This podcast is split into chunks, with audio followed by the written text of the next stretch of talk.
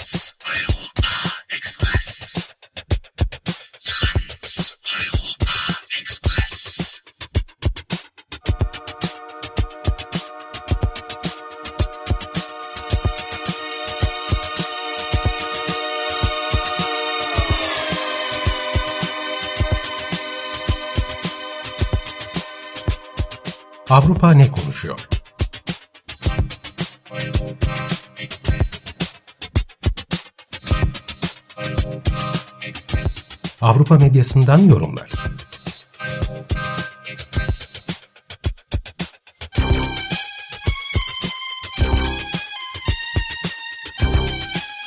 Hazırlayan ve sunan Tuğba Tekerek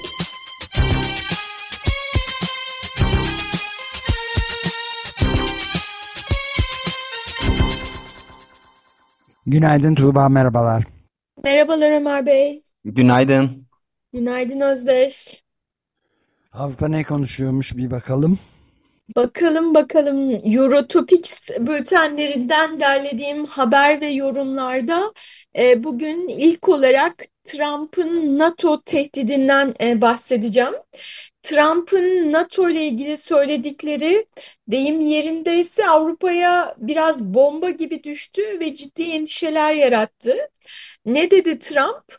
Ee, gayri safi yurt içi hasılasının yüzde ikisinden daha azını savunmaya harcayan ülkelerin korunmayacağını yani bu NATO şemsiyesinin korumasından faydalanamayacağını ve hatta Rusya'yı saldırı bu ülkelere saldırılarına devam etmeye teşvik edeceğini e, söyledi.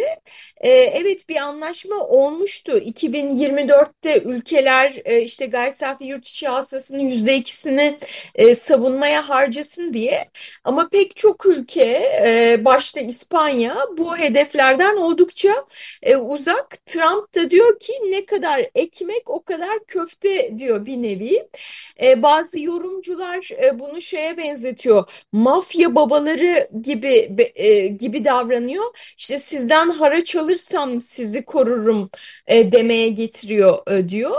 E, bir kısım Avrupa'daki Avrupa medyasındaki bir kısım yorumcu hakikaten de Avrupalı ülkelerin bazı ülkelerin e, savunmaya yeterince harcama yapmadığını söylüyor. Hani e, eğri oturalım, doğru konuşalım şeklinde ifadeler var. E, ama daha önemlisi e, Avrupa ülkeleri şimdi eğer Trump kazanmazsa e, Amerika Birleşik Devletleri gibi bir müttefikleri e, onları korumayacaksa yani birlikte bu koruma ittifakında olmayacaklarsa e, Avrupa Birliği olarak Avrupa olarak bizim kendimizi bir şekilde korumamız lazım diye e, bu üst düzeyde e, konuşuluyor.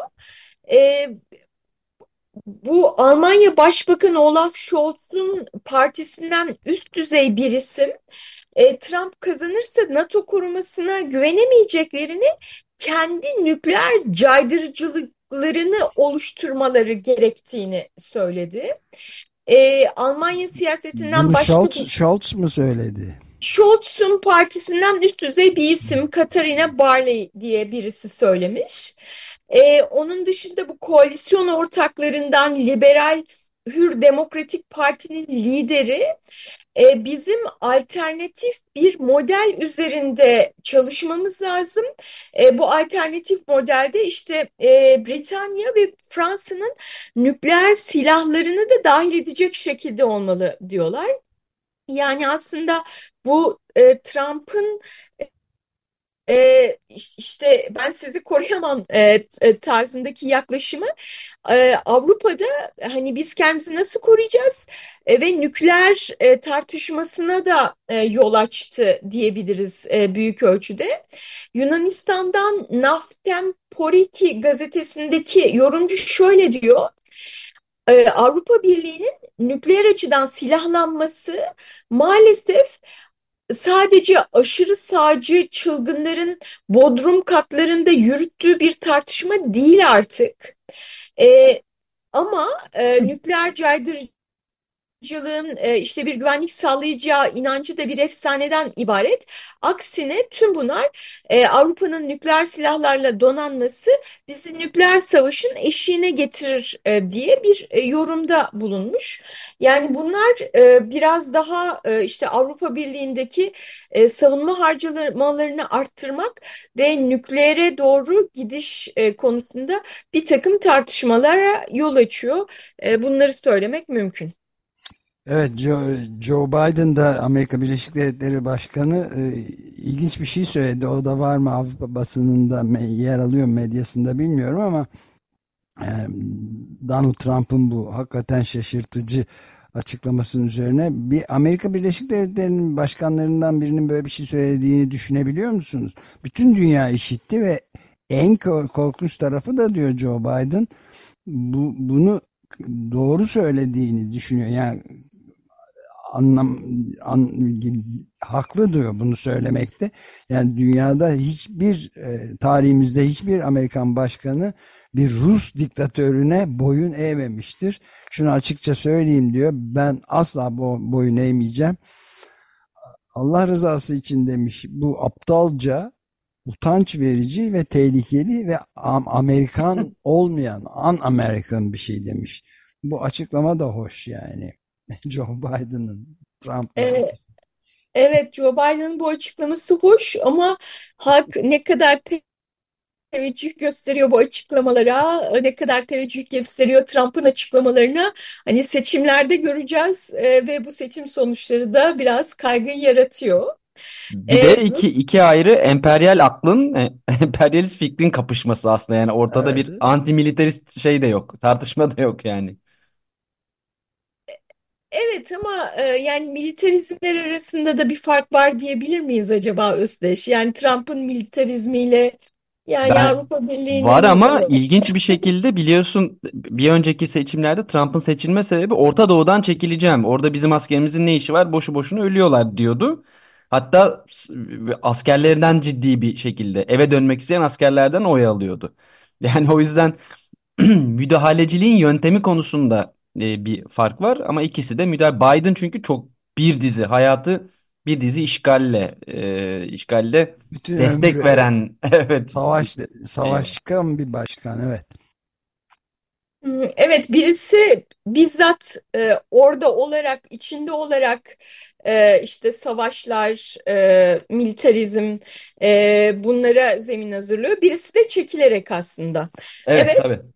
E, Rusya'ya bakalım. Rusya'dan bahsettik. E, Rusya'da Mart ayı ortasında e, seçimler var. Ee, bahsetmiştim bir tane savaş karşıtı e, bir aday vardı. İnsanlar kışın ortasında soğukta kuyruklara girerek e, bu Boris Nadezhdin'in e, aday olması için gerekli imzayı toplaması için imza veriyorlardı. İmza kuyruklarına giriyorlardı. E, e, yeterli imzayı topladığını söyleyerek başvurdu. Ama dediler ki seçim komisyonu senin sunduğun 105 bin imzadan 9 bini geçersiz hayır aday olamazsın dedi. Bu Putin'in karşısına çıkmış hani tek gerçek e, bir adaydı diyebiliriz, rakipti diyebiliriz. Yani tabii ki seçilme şansı falan çok düşüktü ama yine de hani bir varlık göstermişti onun fikirlerine karşı bir insan olarak. O da seçimden men edildi. E, Britanya'dan The Spectator gazetesindeki yorumcu şöyle diyor. Seçimler artık halkın siyasi liderlerini seçtiği değil boyun eğişlerinin ifadesi olarak yurttaşlık görevlerini ifa ettikleri birer ritüele dönüştü Rusya'da e, diyor. Ve artık hani Putin sistemini hani hibrit otoriterizm falan gibi şeylerle hiç tanımlamaya gerek yok. Melezlik falan yok. E, direkt bir otoriterizm e, me dönüştü e, diyorlar. E, tüm bunlar bunu gösteriyor diyorlar. E, yani Putin'in karşısında birkaç aday olacak ama onlar da hani bir kısmı Putin'i destekliyor. E, ama aday olmuşlar. E, ama gerçekten hani ciddi kayda değer adaylar değil. E, Mart ortasındaki seçim e, Rusya'da böyle gerçekleşecek. E, Rusya'dan bir haber daha. E, şimdi orduyu karalama, işte yıkıcı eylemlerde bulunma gibi e, suçlarda e, bu çok büyük bir tehditti farklı düşünenler için, muhalifler için, gazeteciler, eleştirel sanatçılar için ve bu durumda işte e, hapis cezası alıyorlardı ve para cezası alıyorlardı. Şimdi bunlara ek olarak mallarına el koyulabilecek. Yani eğer ki o mallar e, işte bu suç e, teşkil eden faaliyetler sonucunda elde edildiyse ya da suç için e, kullanılıyorsa e, Rus devleti bunlara el koyabilecek. Tabii burada ne oluyor? Yani diyelim ki bir muhalif yazar var. Yazdığı kitaptan para kazanmış ve ev almış. Hani o eve el konulabiliyor ya da bir gazeteci e, bir bina da işte işini yapıyor. Bu onun işte bu yakıcı faaliyetlerini sürdürmesine yol açtığı için o binaya, o eve e, ofise el konulabilecek. E, yani Rusya'da muhalifler üzerindeki baskı, e, dört yandan e, sarmalama böyle daha dört nala gidiyor diyebiliriz. E, şeye geçelim, sınırın öbür tarafına geçelim, Finlandiya'ya geçelim. İşte bu Rus tehdidi, bütün bu militarizmler, Finlandiya'nın NATO'ya katılması falan, hani Finlandiya'da bir şekilde kendini korumaya çalışıyor. E, devlet düzeyinde, hükümet düzeyinde. Ama halkın tüm bu olanlara tepkisi farklı oldu. Geçtiğimiz yıl yedek askerlikten ayrılmalar çok ciddi şekilde yükselmiş. Ee, yani halk da kendisini hani Rusya bize saldırırsa bir savaş olursa e, ya da işte NATO'ya giriyoruz falan diye düşünerek e, onlar da kendi korumasını yedek askerlikten ayrılarak almışlar. Bunun üzerine e, Finlandiya Savunma Bakanı bunun hiç de vatansever bir davranış olmadığı şeklinde açıklamalar yapıp e, bu konuda bir yasal düzenleme yapılabileceği sinyalini verdi. E, bunun üzerine ne oldu? e, şey askerlikten ayrılmalar, yedek askerlikten ayrılmalar daha da tavan yaptı. E, ve bunun üzerine Savunma Bakanı geri adım attı. Yani galiba kelime seçimim harika değildi dedi bu vatansever olmamakla ilgili ve herhangi bir yasal düzenlemede yapılmayacağını söyledi. Medyaya da baktığımızda şey görüyoruz yani zorla güzellik olmaz. E, vatanseverliği ve ülke savunma iradesini başka yollarla güçlendirmeliyiz e, şeklinde yorumlar var medyada. Bu galiba ama küresel bir eğilim. Yani şu anda hatta savaşan yerlerde Rusya mesela biz sık sık haber verdik asker bulmakta zorlanıyor. O yüzden bu Wagner gibi çeşitli e, profesyonel ordu, özel ordular kullanılıyor. İşte e, Ukrayna'da benzer sorun var. Onlar asker bulmakta ki vatan savunması yapıyorlar gerçek anlamda. E, buna rağmen asker bulmakta zorlanıyor. Her yer Türkiye'de de yani asker tırnak içerisinde kaçağı olmak, askerden şey yapmak. Zaten o nedenle vicdani red kabul edilmiyor mesela. Çünkü çok ciddi bir eğilim olacağı gösteriliyor. Bu profesyonelleşmeyi e, yani militarizm anlamında bir sorun tabii bizim açımızdan. Ama böyle bir şeyi trendi e, zorunlu kılan gelişme bu. insanlar artık böyle geçmişte olduğu gibi askere e, gitmek istemiyorlar.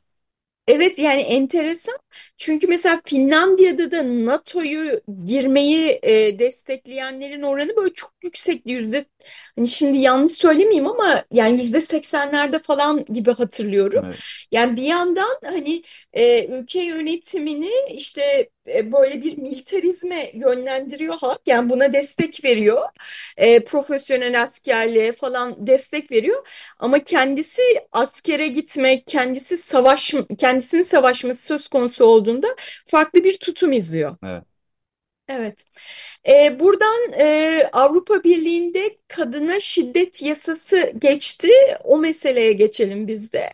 Ee, kadına yönelik şiddet konusunda Avrupa Birliği'nin çıkardığı ilk yasal düzenleme çıkarılıyor e, şu anda. Bu açıdan önemli olduğu e, söyleniyor. Neler getiriyor? Mesela zorla evlendirme, kadın sünneti, özellikle kadına karşı siber e, şiddet suç kapsamına alınıyor ve bunlar önemli. Siber şiddet meselesini biraz açalım. Örneğin stalklamak yani gizlice, sinsice, rahatsız edecek şekilde karşıdakini takip etmek e, karşıdakinin kadının rızası olmaksızın ona kendi çıplak fotosun, fotoğrafını göndermek, e, karşısındakinin mahrem kadının mahrem foto, fotoğraflarını ifşa etmek ya da yapay zeka ile üretilmiş e, kadının görsellerini e, işte paylaşmak sosyal medyada e, ve kadın düşmanı nefret söylemi kullanmak. Tüm bunlar suç kapsamına alındı ve bu açıdan e, hani gayet olumlu diye değerlendiriliyor. Ama bir yandan da bu yasanın tamamına ermemiş bir yasa olduğunu, çok önemli bir eksiğinin olduğu söyleniyor. Bu konuda da e, özellikle Fransa'da protestolar yapıldı. Yasada ev, sadece evet evettir ilkesinin de yer alması gerektiği e, söyleniyordu. Bu İstanbul Sözleşmesi'nde de olan e, ama bu düzenlemeye alınmayan bir ilke. Nedir e, sadece evet evettir ilkesi? e, cinsel ilişki sırasında e, eğer ki kadının bilinci yerinde değilse, şoke olmuş bir haldeyse, pasif durumdaysa yani açıkça ilişkiye rızasını belli etmiyorsa bunun da tecavüz sayılması e, ilkesi. E, bu ya, işte yani feministler, kadınlar, pek çok kadın örgütü e, işte kadının açık rızası olduğu durumda e, cinsel ilişkinin gerçekleşmesi gerektiğini, aksi takdirde bunun suç olduğunu söylüyorlar.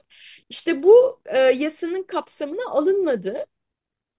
E, İspanya'da bir yorumcu şöyle diyor. E, e, pardon hani, hani La Stampa'dan İtalya'dan La Stampa'dan bir yorumcunun söylediğini aktarayım. Açık rıza olmazsa cinsel ilişkinin tecavüz anlamına geldiğini ve bunun da bir suç olduğunu söylemek gerçekten bu kadar mı zor e, demiş. İsviçre'den Der Standart'ta ha, hala seksin tüm taraflar isterse gerçekleşebileceğini konuşuyor olmamız utanç verici demiş. Alınacak daha çok yol var e, deniyor. E, yani Fransa ve Almanya e, bu düzenlemeye karşı çıkmış bazı Doğu Avrupa ülkeleriyle beraber Bulgaristan'la Macaristan'la beraber hani Bulgaristan ve Macaristan buna hani içerik olarak karşılar. İşte Macron'un e, savunması da hani teknik olarak Avrupa Birliği kapsamında böyle bir düzenleme geçirmemiz mümkün değil. Hani bunun ulusal olarak e, yasalarda düzenlenmesi gerekiyor ve bunu da bir an evvel geçirmemiz gerekiyor diyorlar. Şöyle ki biliyorsunuz Haziran ayında Avrupa Parlamentosu seçimleri var. E, bu seçimlerden sonra işte daha sağda bir parlamento kompozisyonunun oluşması bekleniyor ve e, işte diyorlar ki hani bunu olabildiğince e, iyi bir şekilde bu şekilde geçirelim diyorlar. Hani artık daha fazla müzakere edildiğinde geçirilemeyecekti bu yasa. Dolayısıyla böyle bir paket üzerinde anlaşıldı. Evet, bu, bu paketin bu bahsettiğin sadece evet evet demektir e, meselesinde anlaşmazlık 11 ülke aslında e, bu tanıma kabul ediyormuş. E, 14 ülke e, karşı çıkıyor. Bunlar arasında bir beklenebilir ülkeler var. Macaristan, işte Bulgaristan, Çek Cumhuriyeti, bazı Doğu Avrupa ülkeleri gibi. Bir de Fransa, Almanya, Hollanda gibi ülkeler de varmış. Onlar da onlarla birlikte 14 ülke rızaya dayalı tanımı engelliyor e, diye vermiş Yeşil Gazete'de. Evet Peki, evet. Bir de şeyi de soracağım. Bu Avrupa ne konuşuyor da e, bu da geçiyor mu? Türkiye'nin durumu yani özellikle de İstanbul Sözleşmesi'nin iptalinden sonra vazgeçilmesinden sonra yani bazı rakamlar var ki de e, bu açıdan ibret verici yani Türkiye kadına şiddette kaçıncı sırada diye sorduğunuz zaman 2023 geçen yıl neredeyse neredeyse değil tamamen 350 kadın öldürülmüş her gün yani yüz, her gün bir kadın öldürülüyor şiddet yolu kullanılarak erkekler tarafından. En az evet tespit edilen. ve e, yani ekonomik fırsatlara katılım açısındansa da 146 ülke arasında 130. sırada yer alması gibi de bir durum var. Bunların da e, dikkate alınması lazım herhalde değil mi? Ee, yani maalesef Türkiye sadece İstanbul Sözleşmesi hani İstanbul kelimesiyle geçiyor ve gerçekten hani İstanbul Sözleşmesi ana bir metin temel bir metin e, tartışmalar hep onun etrafında dönüyor. İşte diyorlar ki yani İstanbul Sözleşmesi'nde bunu biz işte hep beraber e, onay verdik. Şimdi İstanbul Sözleşmesi'nin gerisine düşmemiz kabul edilemez falan e, diyorlar. Yani Türkiye'nin e, bir şehrinin İstanbul'un adıyla anılan e, bir sözleşmenin etrafında kadını kadını şiddete karşı koruyacak düzenlemeler yapılıyor. E, ama tabii e, Türkiye'nin İstanbul'dan sözleşme İstanbul Sözleşmesi'nden çekilmiş olması e, okuyan da sadece işte bir Türkiye'li e, okurda sadece ah ah duygusu doğuruyor. Maalesef bu şekilde geçiyor Türkiye. Ama e, bu arada şöyle bir durum da var. Bu e, reddetmekte olan e, sadece evet e, evet demektir e, meselesini reddeden ülkeler arasında İstanbul Sözleşmesi'ni imzalamış olan ülkelerinde olduğu söylenmiş. Mesela bu e, sürecin baş müzakerecisi İsveçli parlamenter Evin İncir. Herhalde Türkiye kökenli e, kendisi de. E, bu üye devletlerden bazılarının İstanbul Sözleşmesi'ni onaylayan devletler olmasından dolayı hayal kırıklığına uğradığımı söylemeliyim. Bu benim anlayışımın ötesinde bir e, durum demiş. Evet, evet, evet. İşte tam da bu yani hani İstanbul Evet. Sözleşmesi'ni imzaladın ama bunu desteklemiyorsun Evet, e, o, diyorlar. o İşte Ha, Ama Türkiye kendi içinde tutarlı kalıyor zaten çıkmış falan da hani İstanbul Sözleşmesi'nde zaten var olan bir şeyi niye bu taslakta kabul etmiyorsunuz? Biraz ilginç tabii. Ya işte orada hani bunun teknik bir mesele yani Fransa, Almanya bunun teknik bir mesele olduğunu söylüyorlar. Ee, yani biz Ee, bunu bi- bir de bir de herhalde üzerinden 13 yıl geçti. Tabii parlamentoların bileşimi de değişti. Siyasiler değişti falan. Yani biz tabii böyle ülke olarak e, şey yapıyoruz ama bu 10 küsür yılda çok şey değişti tabii yani. Şimdi hatta bir son- sen de söyledin ya bir sonraki seçimlerde Avrupa Birliği Parlamentosu'nun bileşimi de değişecek. Aslında bu bile şu anki kırpılmış haliyle bile çıkması mümkün değil diye bir an önce bari bunu çıkaralım diyorlar. evet, Evet evet, öyle bir evet. kötüye doğru gerilemeye doğru çok ciddi bir gidiş olduğu da sık sık yer alıyor haberler arasında evet. Evet. E, son olarak e, Paris'te SUV araçların park ücretleriyle ilgili e, yapılan oylamadan bahsedeyim. Parisliler bu oylamada %55 oranında SUV araçların park ücretlerinin yükseltilmesi yönünde oy kullandı ve bu araçların saatlik park ücreti 18 euroya yükseltildi e, saat arttıkça fiyat da artıyor. 6 saat 225 euroya denk geliyor. Yani Türk e, lirasıyla 7500 liraya denk geliyor. E, aracınızı SUV ile yani Paris'le Paris plakası yoksa eğer e, işte gittiniz diyelim ki şehir merkezine SUV aracınızı park ettiniz hani bir yemek yiyeceksiniz bir arkadaşı göreceksiniz e, TL karşılığı 7500 lira olan bir para ödeyeceksiniz. E, İsviçre'den e, Der Standard e, gazetesindeki yorumcu demiş ki e, sorumluluk bir arazi aracı satın almanın neye karşılık geldiğini bilmeyi gerektirir. E, bu bilme de tıpkı Paris'te olduğu gibi bir öğleden sonra SUV'nizi park etmek için 225 euro ödeyince kaçınılmaz olarak bu biliş seviyesi artacaktır demiş. E, SUV araçların e, diğer araçlara göre, diğer tipik orta boy araçlara göre yüzde yirmi daha fazla yakıt e, tükettiği e, söyleniyor. Bu saptanmış durumda. E, işte e, Paris'in Sosyalist Belediye Başkanı SUV'lerin Paris'in dar sokaklarında çok fazla yer kapladığını, çevreyi kirlettiğini, işte gezegeni tehdit ettiğini ve küçük arabalardan daha fazla trafik kazasına neden olduğunu e, söylüyor. Ve çok enteresan e, SUV araç yani tüm bu şeylerine rağmen e, çevreye verdiği zarara rağmen SUV'lerin satışı hızla artıyor. Evet bundan da bahsetmiştik zaten daha önce de bizde büyük bir artış gösteriyor. Başta Amerika Birleşik Devletleri olmak üzere ama Avrupa Birliği ülkelerinde de. Evet hatta yani bir şey okudum son yıl yüzde elliye yaklaştı neredeyse yarısı e, araç satışlarının SUV diye bir şey okudum 2010'dan 2022'ye e, toplam otomobil satışı içerisinde yüzde 12'den yüzde 44'e e, yükselmiş. Evet şey katılım az olmuş bu oylamaya yüzde 5.7 katılmış e, Parislilerin ama tıpkı scooter'ın yasaklanmasında olduğu gibi bu oylamada da az katılım olsa da işte bu yasal düzenleme yapılacak Paris'te. En Hidalgo işte scooterları yasaklamıştı. Pek çok sokağa, bölgeyi yayalaştırdı kentte.